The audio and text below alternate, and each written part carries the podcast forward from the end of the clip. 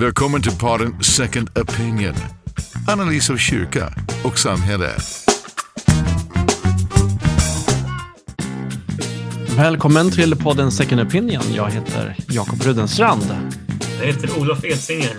Det har precis varit val nu, Olof. Eh, vad säger du om det? Eh, känns det som att eh, Sverige har gått in i ett eh, nytt skede? Har det blivit mörkare eller ljusare på dagarna?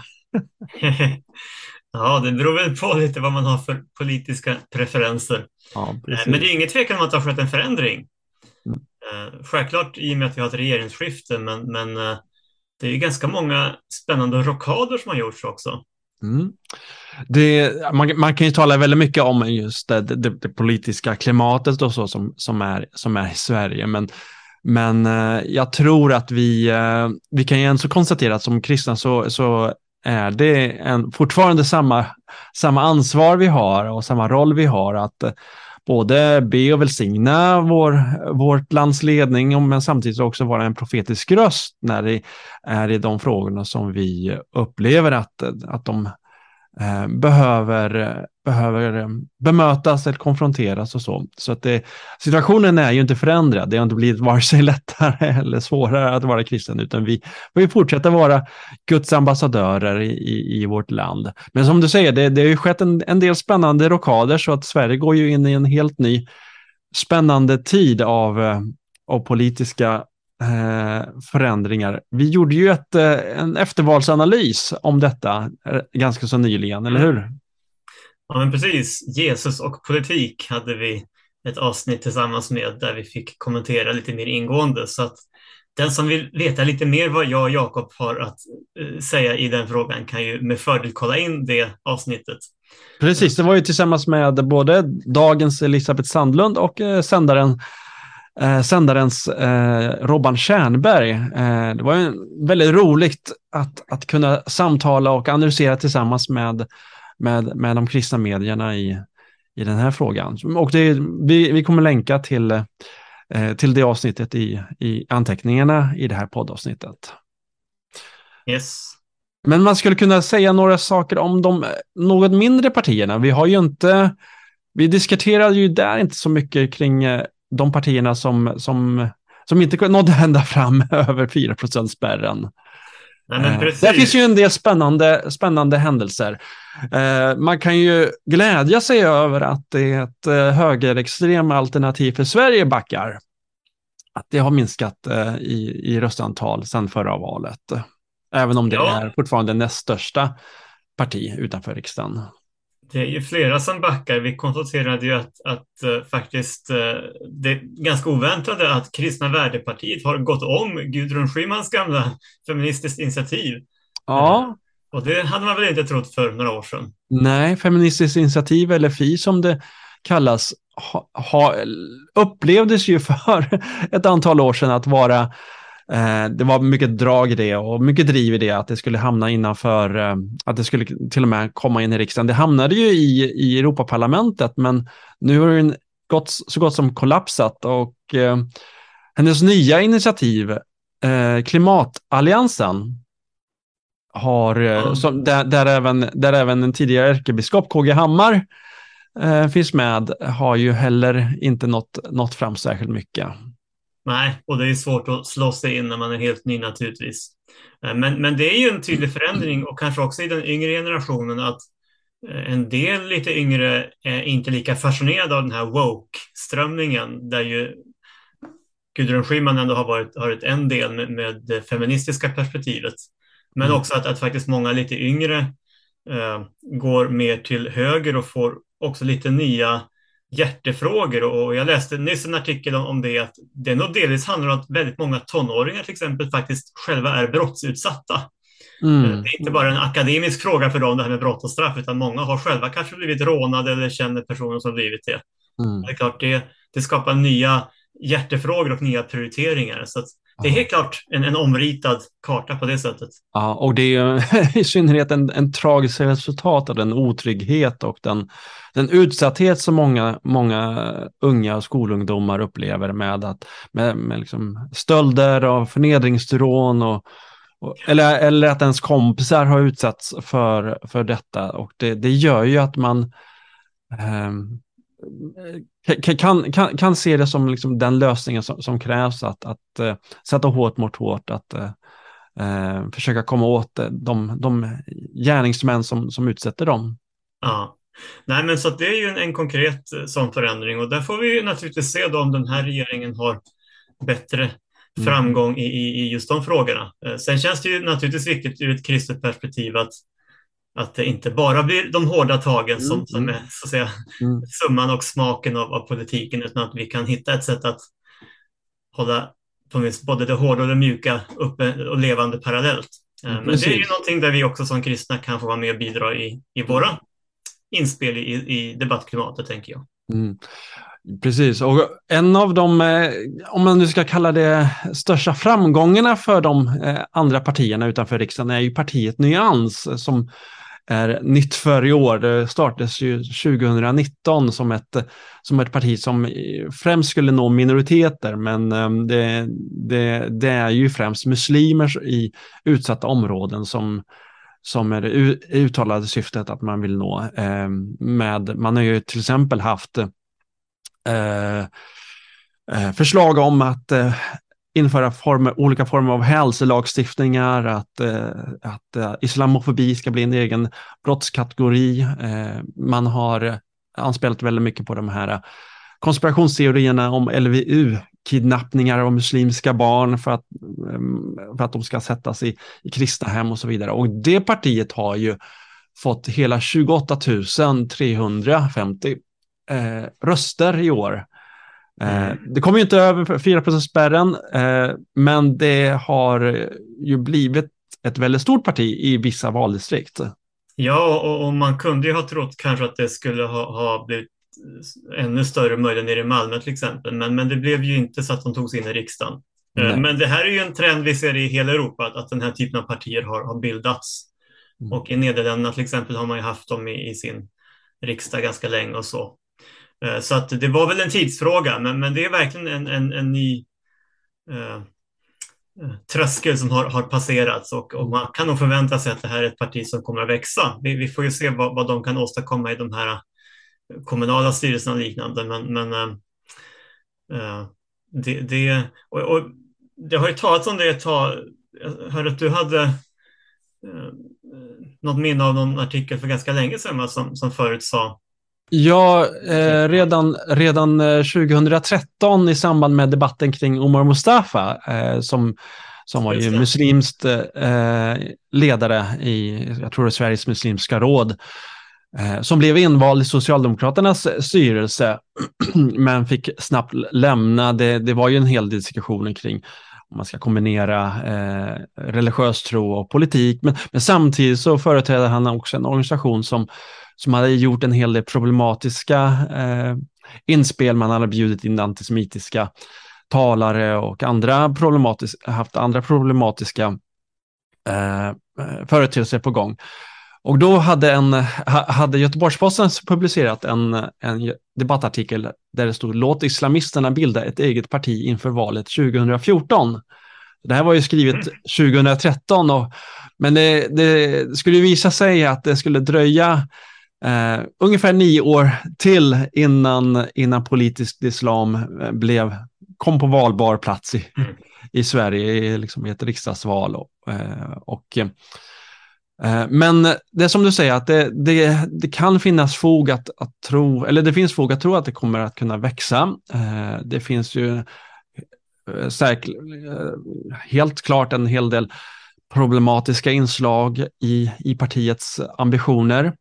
Samtidigt så vittnar ju deras tillväxt eh, till stor del om de etablerade, etablerade partiernas eh, misslyckande att nå människor i områden som, som klassas som utsatta och det finns, eh, det finns ja, många invandrare. Och, och det man vill... kan man säga hur landet ligger och det tycker jag i en mening ändå är positivt att, mm. att, att, att det klarlägger hur faktiskt väljaropinionerna ser ut. Men det är klart, särskilt för Socialdemokraterna är det ju väldigt oroväckande för, för det här är ju en stark väljargrupp traditionellt för det partiet.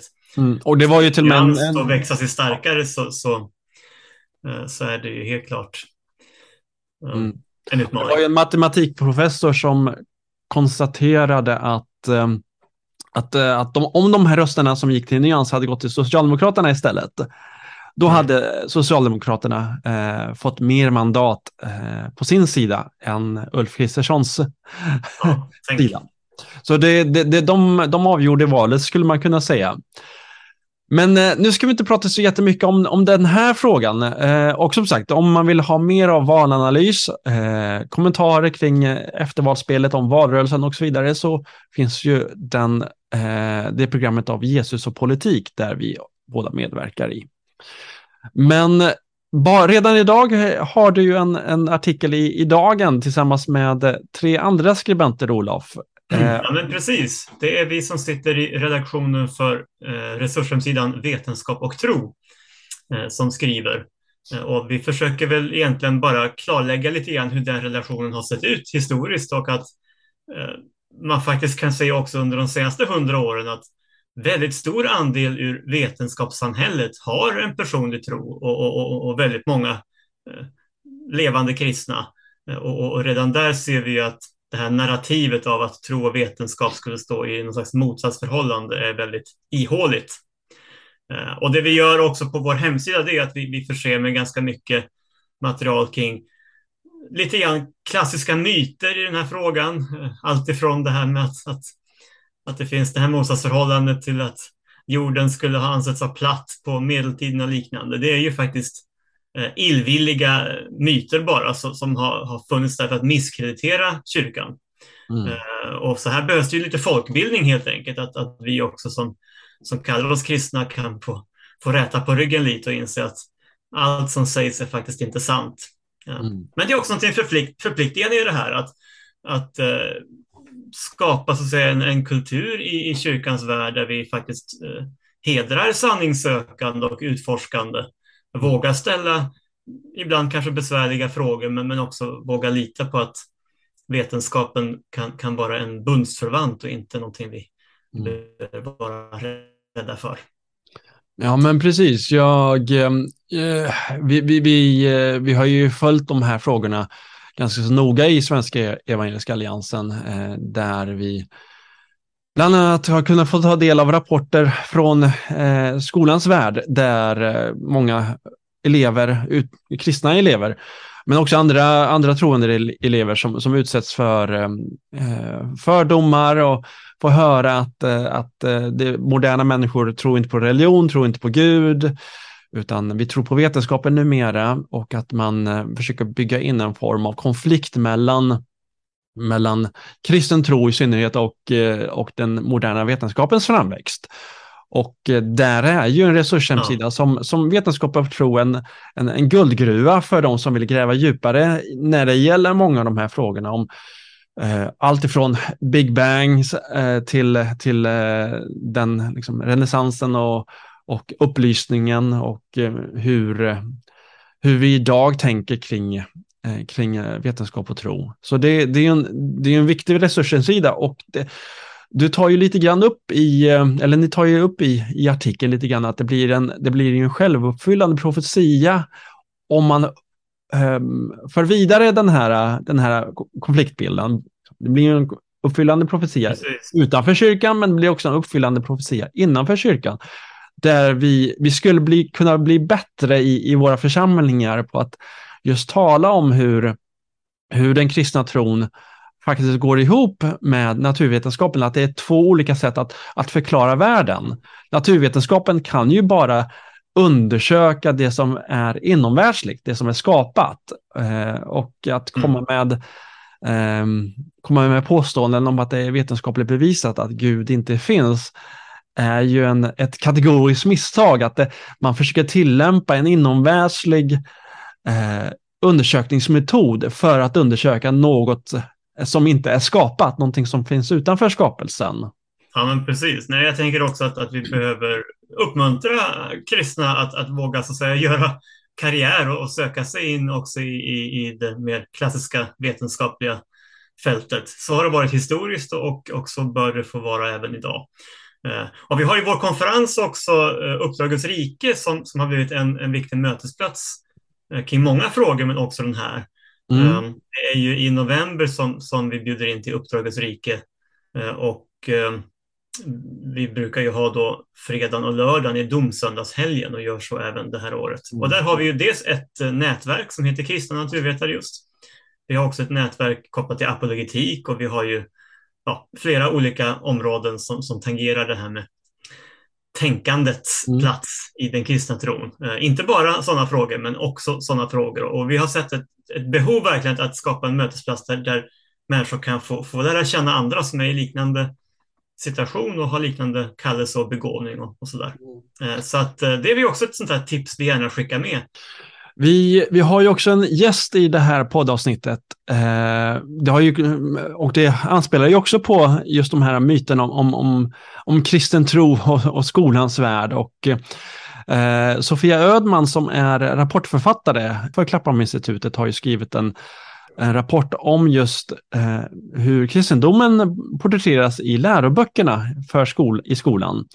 Och vi ska samtala lite grann med henne alldeles strax om just, om just den här rapporten där, det, där man har kunnat upptäcka att det förekommer flera felaktiga och osakliga beskrivningar eh, av kristen tro. The Swedish Evangelical Alliance. Christian faith out in the open. Bilden av kristendomen som förmedlas i skolans läromedel är osaklig, ensidig och spekulativ. Det är något av resultaten i Klapphamninstitutets nya rapport Osakligt och ensidigt, en granskning av hur kristendomen framställs i den svenska skolans läroböcker. Eh, Vi har med oss idag Sofia Ödman som är en av rapportförfattarna. Välkommen Sofia! Tack! Hur kom du in på det här ämnet? Ja, men, eh, jag är eh, själv utbildad eh, mellanstadielärare, eller grundskollärare, eh, bland annat i religion. Och eh, har inte jobbat eh, under någon längre period i skolans värld, men har eh, varit ute själv i skolan till viss del och sen så har jag själv barn i eh, låg, mellanstadie, högstadieålder under den här tiden när vi skrev rapporten. Och vi har liksom hamnat i diskussioner hemma när barnen läser kristendomen i skolan och så läser de något och tycker men det här känner jag inte igen mig i eller det här är inte rätt fakta om Bibeln och sådär. Så det har blivit att vi har haft en del samtal hemma eh, och jag tycker det är väldigt intressant att analysera och fundera på hur, ja, hur saker framställs liksom. Så då har jag tyckt det var intressant att undersöka hur, hur är egentligen bilden beskriven av kristen tro i Mm. våra läroböcker. Mm. Man kan ju säga att, att idén till den här rapporten kom till eh, viss del också från samtalen som, som du har fört med, med, med dina barn. Ja, men precis. Det var en kombination av det eh, och eh, att eh, också att Klapphamninstitutet eh, genom Per Evert såg ett behov av att undersöka läromedlen. Mm. Mm. mm. Eh, och det är ganska så frapperande eh, fynd som ni har upptäckt i några av de här eh, läroböckerna. I, I dagen så publicerade ni en debattartikel eh, med rubriken eh, Lärobok Jesus och Maria var gifta. Det är ju häpnadsväckande Mm. Ja, men- uppgifter, inte minst för den vanliga bibelläsaren. Eh, vi ska väl säga att det är Maria Magdala som, som eh, Ja, de ja, spekulerar kring och, och det, Ja. det är en av högstadieböckerna. Där, där det känns som att de snarare har hämtat fakta från populärkulturen Mm. än från eh, vetenskapen eller från liksom, traditionell kristen tro. eh, Mm. Så. Ehm, och där har ju till och med det förlaget eh, i sitt digitala läromedel tror jag de har ändrat det nu. De Mm. har tagit till sig den kritiken. Men det blir väldigt spekulativt kring, kring att eh, Jesus skulle varit gift med Maria Magdala och att hon kanske skulle ha skrivit Johannes evangeliet och det, det, det underminerar eh, Bibeln och det, ja, det blir nästan lite löjeväckande i Mm. att de inte har tagit eh, uppgiften mer seriöst Mm, på mm. faktagranskning. Det är ju som du säger, det är, det är sådana uppgifter som man är mest van vid att läsa i, i Da Vinci-koden och eh, Mm. eh, skandalomsusande manuskript som, som, som senare har upptäckts. eh, Mm. Upp, man, man, man har insett var förfalskningar och så. Så det är ju ganska så upp, uppseendeväckande Mm. att, ett, att ett svenskt läromedel från vad är det nu? Eh, I Glerups, en av de stora Mm. läromedelsförlagen som, som förde vidare den, den uppgiften. Vad är det för andra eh, fel som ni eh, har upptäckt i, eh, i, eh, i läroböckerna. För det, det är ju, när jag läser rapporten så får jag intrycket att det, det varierar ju från, från lite mindre eh, detaljfel eh, som man såklart kan vara Eh, om man verkligen ska eh, vara generös kan man ju låta de, några av de sakerna passera, men mm. eh, det är ju å, å, andra sidan väldigt viktigt med den här sakligheten som, som fastslås eh, i, i, i, nya kurser och, och läroplan, eh, läroplanerna. Mm. Eh, men å andra sidan finns det ganska, ganska så stora avgörande fel i, i, mm. Eh, i, mm. i läroböckerna. Om du skulle kunna börja med de här lite mindre felen så skulle du kunna gå vidare till de större mm. felen. Ja, men vi, I rapporten har vi tagit fasta på att läroplanen ända sedan eh, Lgr 11 då, läroplanen från, från 2011 och som nu då får i höst har fått reviderade kursplaner, så är det ju tydliga skrivningar om att att eh, det som lärs ut i skolan ska vara sakligt och allsidigt. Mm. Och det är de två begreppen vi har jobbat med att analysera i läromedlen.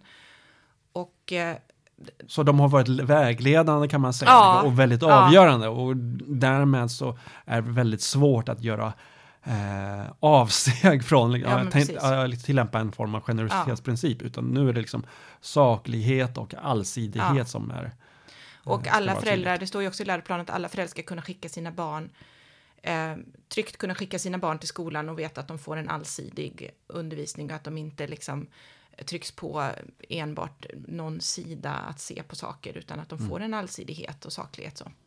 Och då var det ju, jag som har mest satt mig in i läromedlen för mellanstadiet så tyckte jag det var så tydligt att eh, det var så många småfel. Och hade det varit två, tre småfel, då kan man tycka det gör inte så mycket.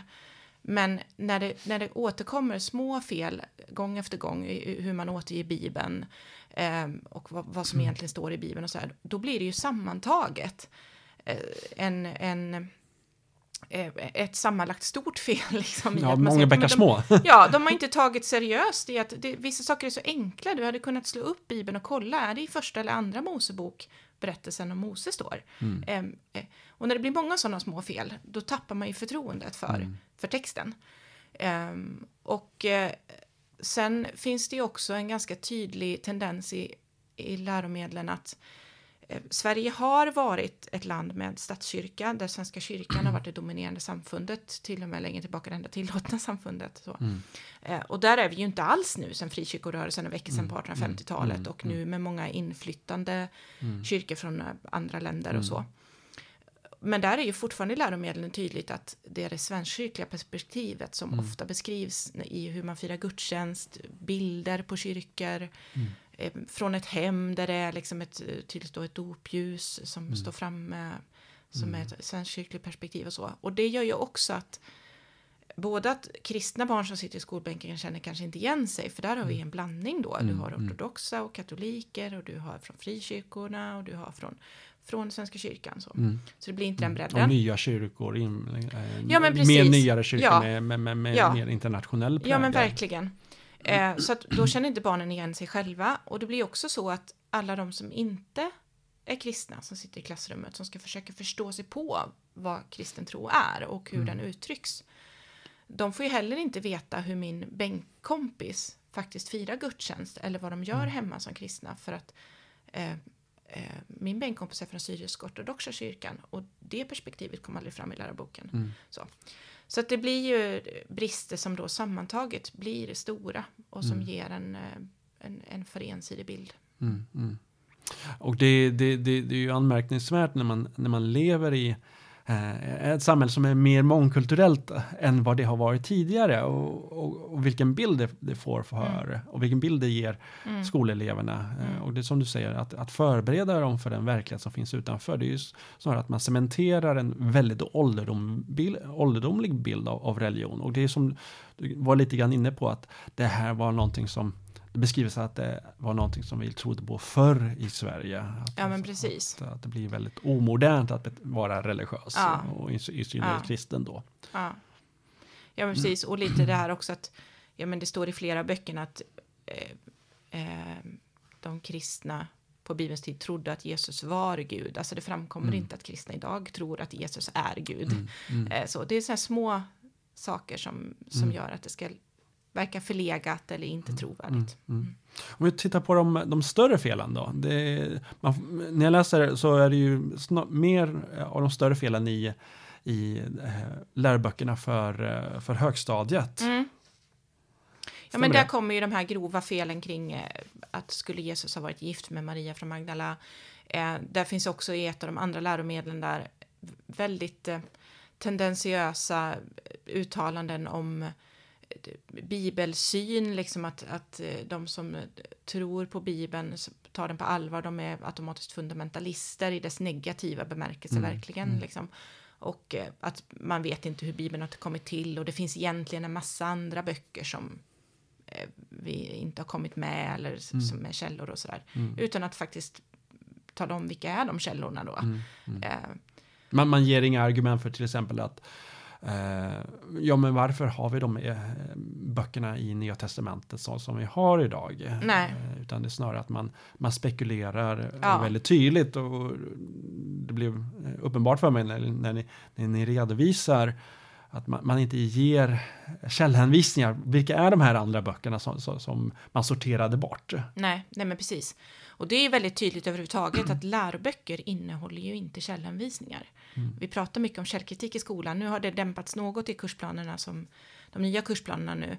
Men källkritik har ju varit väldigt viktigt eh, i många år i skolan och det är ju de här läroböckerna vi undersökte är ju byggda på den läroplanen då. Och samtidigt så talar man inte om var man hämtar. Det, av de böckerna jag undersökte var det bara en som talade om när de citerar Bibeln, var kom, mm. varifrån i Bibeln kom den här texten? Vilken liksom. bibelbok som ja. verskapitel? Och, och likadant med andra källor, att det, när du antas bara tro att läroboken är fakta och sann. Mm. Så, så det behövs ingen källförteckning. och det, eh, sen såg jag också att, att det är ju flera påståenden om, om just kristen, eh, kristen teologi och i synnerhet när det mm. gäller beskrivningen av treenigheten. Att man man hamnar i det som eh, väldigt ofta det som man kallar för modalism. Att, eh, mm. att Gud uppenbarar sig i olika former. Eh, mm. Inte att Gud är, är tre personer igen. Nej, precis. Utan snarare mm. att, att han uppenbarar sig en gång som fader, en gång som son, en mm. gång som heligande. Mm. Jag vet att det är ju givetvis många, många kristna idag som, mm. som genom historien såklart som har som har svårt att, att förklara och, mm. och eh, sätta sig in i vad, vad, vad treenighetsläran innebär. Men just där borde man ju kunna förvänta sig lite mer ödmjukhet från, från vissa läroböcker. Eh, eh, ja, men precis. Intressant. Och jag tänker att eh, treenigheten är ju svår att förklara. Eh, mm. Och eh, det, fin det, finns till och med en, en, tidigare forskningsartikel på det Torsten Löfstedt har skrivit, vi tar upp den i rapporten, mm. där han eh, just tittar på hur framställs treenighetsläran. Och det är en svår nöt att knäcka, hur ska mm. vi göra det?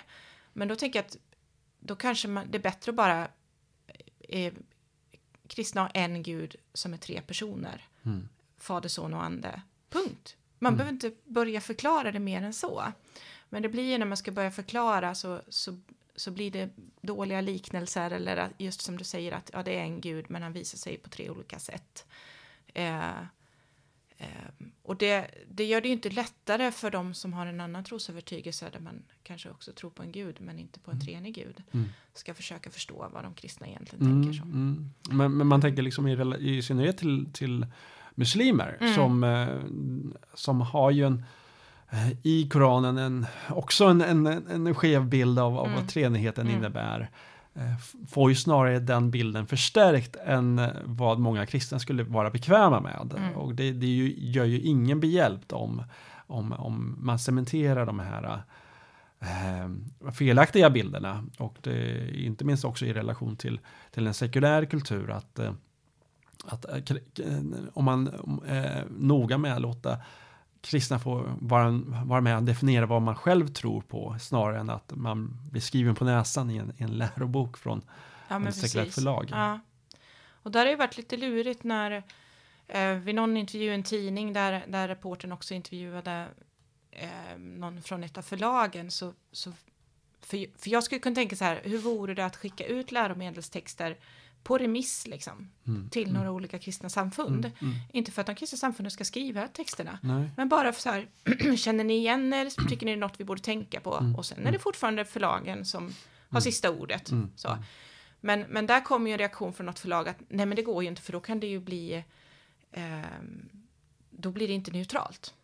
Eh, Mm. och, det, och det är ju dels Alltså dels ser man ju fel på det här vad en remissinstans Ja, är. det, att du, du har fortfarande makten över vad du skriver. Mm. Men det är inte bara- så att man kräver från samfunden, Nej, ja, men det här nej. får vi får ni inte ge ut. Nej, Ni sätter en verkligen bannbulla på inte. dem. Och det andra är ju den här felaktiga synen på att det skulle vara neutralt det som skrivs. För det är ju Mm. jättetydligt att det finns tendenser. Till exempel här med att kristna som tror att Bibeln är sann, de är fundamentalister. Mm, Vilket bara har blivit ett skällsord i vår kultur i stort sett. Mm. Eh, eller tendenser till att man ska förklara eh, i en av mellanstadieböckerna eh, så ska man förklara, berätta om uppståndelsen. Och det blir ett jämställdhetskapitel. Eh, Bibeln, på Bibelns tid var allting ojämställt, men Ja, det. det finns faktiskt några kvinnor här och så blir det en jämställdhetsfråga istället för förklara varför uppståndelsen var viktig. Mm, mm. Och jag ser inget problem i att man tittar på hur hade män och kvinnor det på Bibelns tid. Mm. Men då skulle jag hellre vilja ha en sida som berätt, återberättar det här hände. Mm. Och så på nästa sida så ställer man ett antal frågor eller Mm. diskuterar med eleverna. Ehm, ja, hur, hur, hur funkar det? Hur var det för män och kvinnor på den här Mm, tiden? Hur mm. är det idag? Mm. Vad, vad tänker ni om det?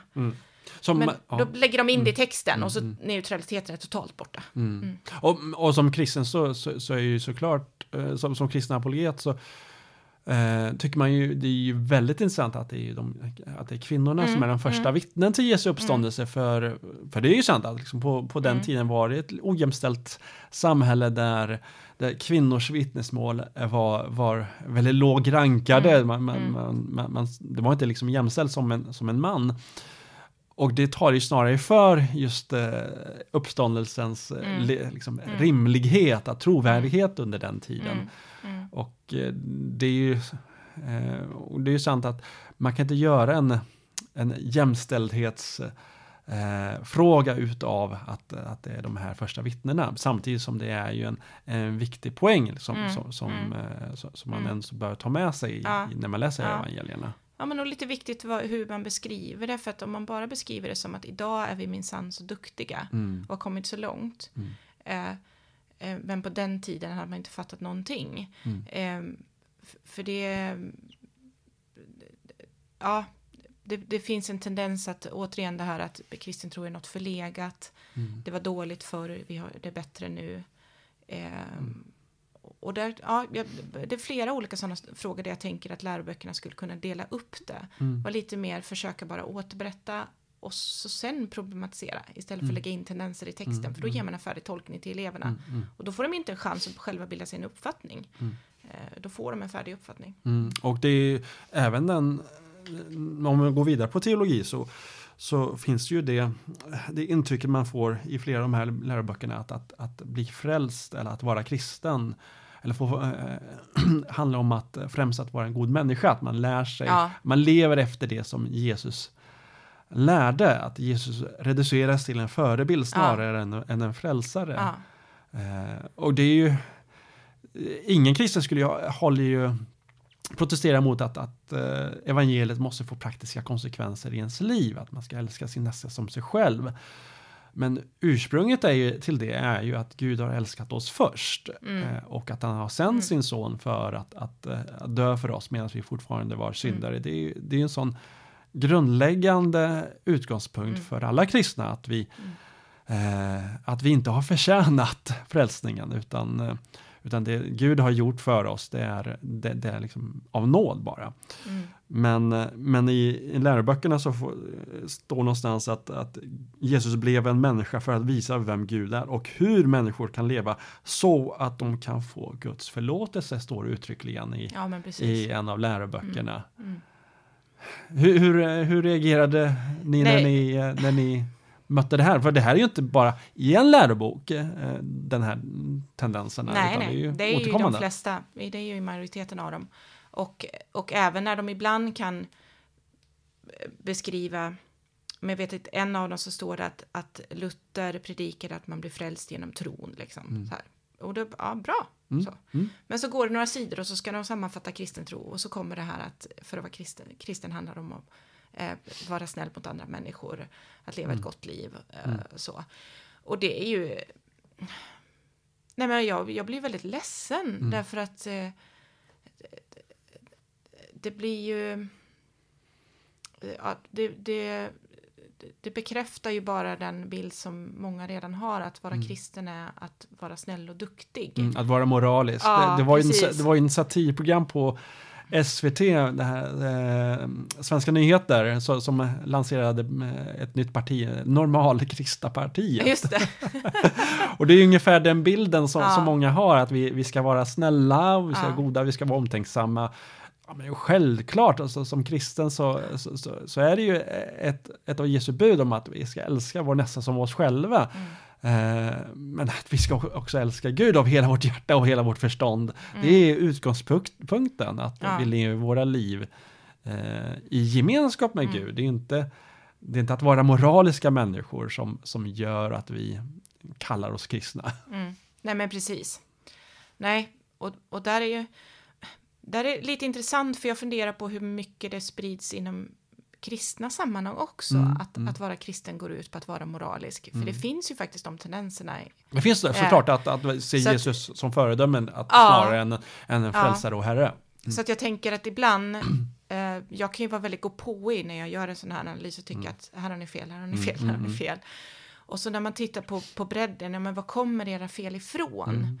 Så kan jag ju se att ja, men det är inte helt taget ur luften. Därför att det finns både kanske den sekulära synen på kristen tro, men också inom eh, i, i den kristna gemenskapen så har vi också ibland missat vad kärnan är. Så. Eh, ja, men det, men det är tråkigt.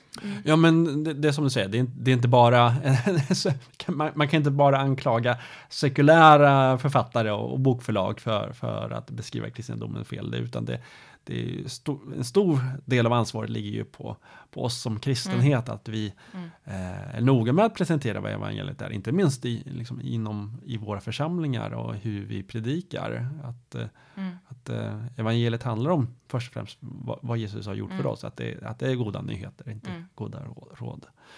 Eh, ni tittar ju också på ni tittar ju också på eh, naturvetenskapen, eh, böcker där Mm. naturvetenskapen redogör. Och jag gissar att det har lite grann att göra med eh, kristendomens betydelse för vetenskapens framväxt. Eh, stämmer det?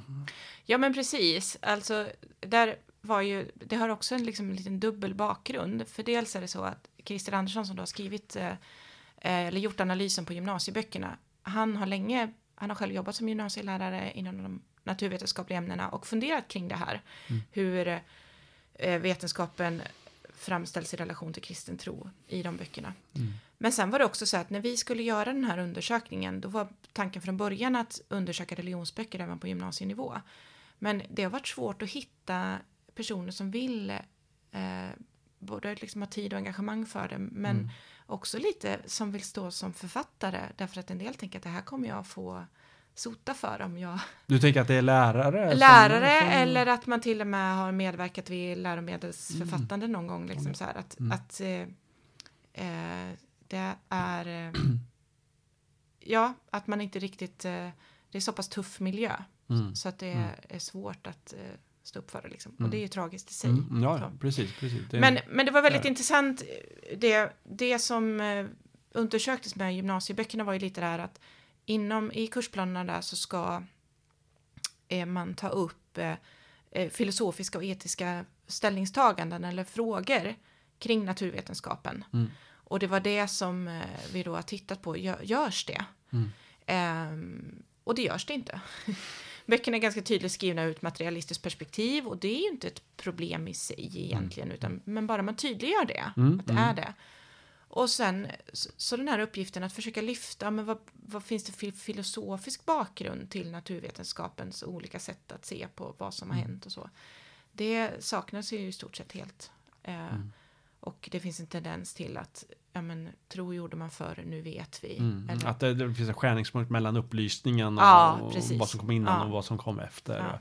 Att det är den sekulära upplysningstänkandet som, som i grunden gav oss vetenskapen. Medan liksom, historiskt sett så var det ju kristna som långt tidigare började eh, experimentera och undersöka empiriskt. Och, och ja men vidare. verkligen. Mm. Och det finns ju fortfarande en sån, jag vet jag har sett tabeller på hur många av nobelpristagarna i, de, i kemi, fysik, Mm, medicin, mm. liksom de senaste, vet inte, 50 år eller någonting, hur många av dem har varit kristna? Det är Mm, många. mm, mm. Eh, eller som har haft en gudstro, liksom, Mm. som har drivits av det. Mm. Det finns ju andra, an, an, andra aspekter i, i läroböckerna som man kan, man, man kan rygga tillbaka lite grann till s- s- som kristen. Eh, jag såg ett, eh, det, det, ett inlägg eh, från, från medförfattaren Per Evert om hur kristendomen genom historien har påverkat eh, allt ifrån kolonialismen och, Mm. och korstågen och eh, eh, ehm, allt det här som, så, som man, man upplever som just såklart ett, ett problem i, i vår del av världen. Att, att Mm. eh, kristendomen stått som ett hinder för vetenskapens utveckling. Man tänker på Galileo, Mm. Galilei och, och Mm. eh, för- förtryck av oliktänkande och eh, eh, stämplande av kättare och inkvisitionen och allting, Mm. allting sånt. Har ni tittat på eh, det också? Alltså i den mån som läroböckerna har tagit upp det. De, de frågorna kommer ju inte alls upp på det sättet i de naturvetenskapliga läroböckerna. Nej, det är mer Eh, historia. Ja, det är mer än- historia. Och då vissa av läromedlen i religion kommer ju in på det. Mm. Eh, och där finns ju, ehm, kommer jag inte ihåg exakt vilken, det är detaljerna om vilken bok som säger vilket får ni ju läsa i rapporten. Det Mm. finns ju tydliga källhänvisningar där på allting. Men att någon bok för mellanstadiet uttryckte det som något väldigt negativt att kyrkan hade stor makt på medeltiden. Mm. Och, och, och det var dåligt. Eh, men någon annan kunde ju mer sakligt berätta att så här var det. Ehm, så där fanns det ju båda tendenserna, att man lyfte fram det som något väldigt negativt. Tror det var mer negativt i högstadieböckerna. Och där är det också så att högstadiens kursplaner ska ju gå djupare på de historiska skeendena, på de olika inriktningarna på kyrkorna och sådär. Mm. På mellanstadiet har du mer, ja du har med det lite grann men inte så mycket. Mm, mm. Ehm, ja, så det, det skiftade, men det finns ju tendenser åt att, att det var negativt att kyrkan hade makt. Ehm, Mm, mm. Ehm, vi, vi, vi släppte ju för ett tag sedan vår hemsida Vetenskap och tro eh, om just eh, några av de här eh, historiska skeendena, eh, allt från eh, Galileo Galilei och man trodde att, att kyrkan, eh, eller kristna trodde att jorden var platt och så vidare. Eh, och det är ju det är intressant att, att sådana saker eller sådana myter eh, återkommer i vardagligt tal. mm, Eh, allt ifrån liksom samtal med, med, med kompisar eller andra Mm. vuxna och andra arbetskamrater och så. Vad tänker du att, eh, att eh, skolan har för, självklart har ju skolan ett, ett ansvar att, att, att bidra med såklart en allsidig och saklig beskrivning av, av Mm. hur saker och ting har varit. Men just föräldrarnas ansvar här, alltså som kristen förälder, eh, hur, eh, hur bör man tänka? Jag vet att du tillsammans med Apologia arbetar ju bland annat med att eh, undervisa om apologetik för, för föräldrar och, och Mm. relation till barn och så. Mm. Och det här är ju en sån, man ska ju inte, det här är ju inte en rollen för den offentliga skolan såklart, inte Nej. ens för, för, för för kristna friskolor, utan det är ju någonting som behör, börjar, börja i, i hemmet och Mm. att eh, tendensen för, bland en del kristna kan ju kanske vara att man, man lämnar eh, en del av den undervisningen på entreprenad till exempel kyrkan. Mm. Begreppet entreprenad kanske är kanske, lite fel valt, men, Mm. men en del kanske känner sig ovana Mm. eh, i hur man ska Mm. hantera frågor av den här, av den här Mm. formen. Eh, Hur skulle du svara på det? Men jag tror ju att en, en, en, en av de viktigaste faktorerna i hemmet är samtal. Eh, så att, att, att börja i att överhuvudtaget hitta stunder där vi samtalar med våra barn. Mm. Och många av oss lever hektiska liv. Det är, det är mycket aktiviteter. Båda föräldrarna jobbar och sådär. Men att, att hitta, men när jag skjutsar till orienteringen eller när jag att försöka hitta en måltid i veckan då vi säkert sitter ner alla tillsammans. Och så här. Dels det här bara samtal. Och att då ställa frågor. För, alltså bör, börja sätta sig in i, för att som förälder kommer jag aldrig ha alla svar. Och jag behöver inte ha det. Men jag behöver visa intresse. Så att ställa frågor till mina barn. Vad har ni gjort i skolan idag? Vad gör ni i kemin just nu? Eller vad gör ni på religionen just nu? Mm. Och så, och så börja ett samtal. För dels lyssna på vad barnen själva reflekterar över. Och sen om man upptäcker att oj, vad intressant, eh, det där skulle vi behöva undersöka mer och då kan man ju som förälder fortsätta leta fakta sen, för det finns ju mycket som du nämner vetenskap och trosidan. Det finns ju mycket eh, poddar och texter om eh, som, både kring apologetik och kring eh, Bibelns innehåll. Alltså, det, ja, det finns hjälp att få liksom. Och där har jag ju de senaste åren jobbat mycket också med i nätverket Jesus till barnen kring att, att kyrkan har en uppgift i att rusta hemmen. Så att istället för att barnen ska få bara en timmas söndagsskola eller en timmas ungdomsgrupp i veckan så ska kyrkan hjälpa föräldrarna att kunna ha det här i hemmen. Ehm, och jag tror, en sak som jag tror är viktig här det är att komma ihåg att läromedlen ligger både tidsmässigt och eh, ja, dels tidsmässigt långt ifrån forskningen. Alltså att det som står i läroböckerna kanske är 10-15 år gamla rön. Mm, ja, För du det, använder en just det. bok, boken ska skrivas Och den och så ska den komma ut och så återanvänds Ja. den och så. så att, kom ihåg det att, ja men vad säger forskarna liksom? Mm, mm, Att man som förälder kan försöka ta tag i, kan vi läsa något vetenskapligt om det här, någon forskningsrapport eller någonting så. mm, mm. Eh, och bara vara medveten om det, att det kan vara gammalt stoff. Mm. Och det andra också att det finns en distans, när vi pratar om de här spekulationerna kring vad Jesus gift och så, att det finns en distans vad forskare faktiskt säger och vad som hamnar i läroböckerna, att det hamnar lite mer åt kanske populärvetenskap ibland, Mm, eller att man inte går ända till eh, de, den akademiska forskningen, den är ganska avancerad. Alltså det är inte så, mm. ska du skriva en lärobok för mellanstadiet så kanske du inte går till de eh, största teologiska doktorsavhandlingarna och letar. liksom, mm, så. mm. Men att så man behöver bara vara medveten om ehm, eh, distansen emellan där ibland tror jag. mm. Och också det här bara att säga till barnen att bara för något står i en bok så är det inte självklart att det är sant. Mm. Och vi ska inte underminera skolan och läroböckerna och lärarna. Mm. Men vi ska hjälpa barnen att ta ett steg tillbaka och se att jag måste inte svälja allt med hull och hår. Mm, mm. Ehm, att själv läsa igenom kursplanerna. Mm, mm.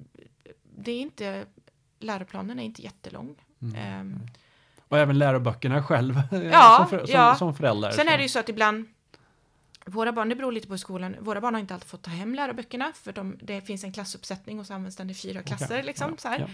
Eh, de har digitala läromedel ibland. Mm, mm.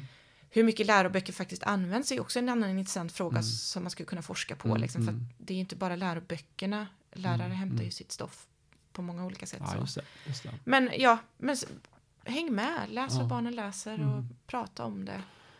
Och hur, hur, hur gör man för att inte uppfattas eh, vare sig som förälder eller som elev som eh, en besserwisser som kommer med eh, invändningar stup i kvarten. Det här är fel, det här är fel. Ja, Eller det jag här tror det det rätta. ställs snarare frågor till barnen än Ja. att komma med en liksom, föreläsning om hur det ska Mm. vara. Mm. Och också våga säga att eh, människor tänker olika, har Mm. olika livsåskådningar. Mm.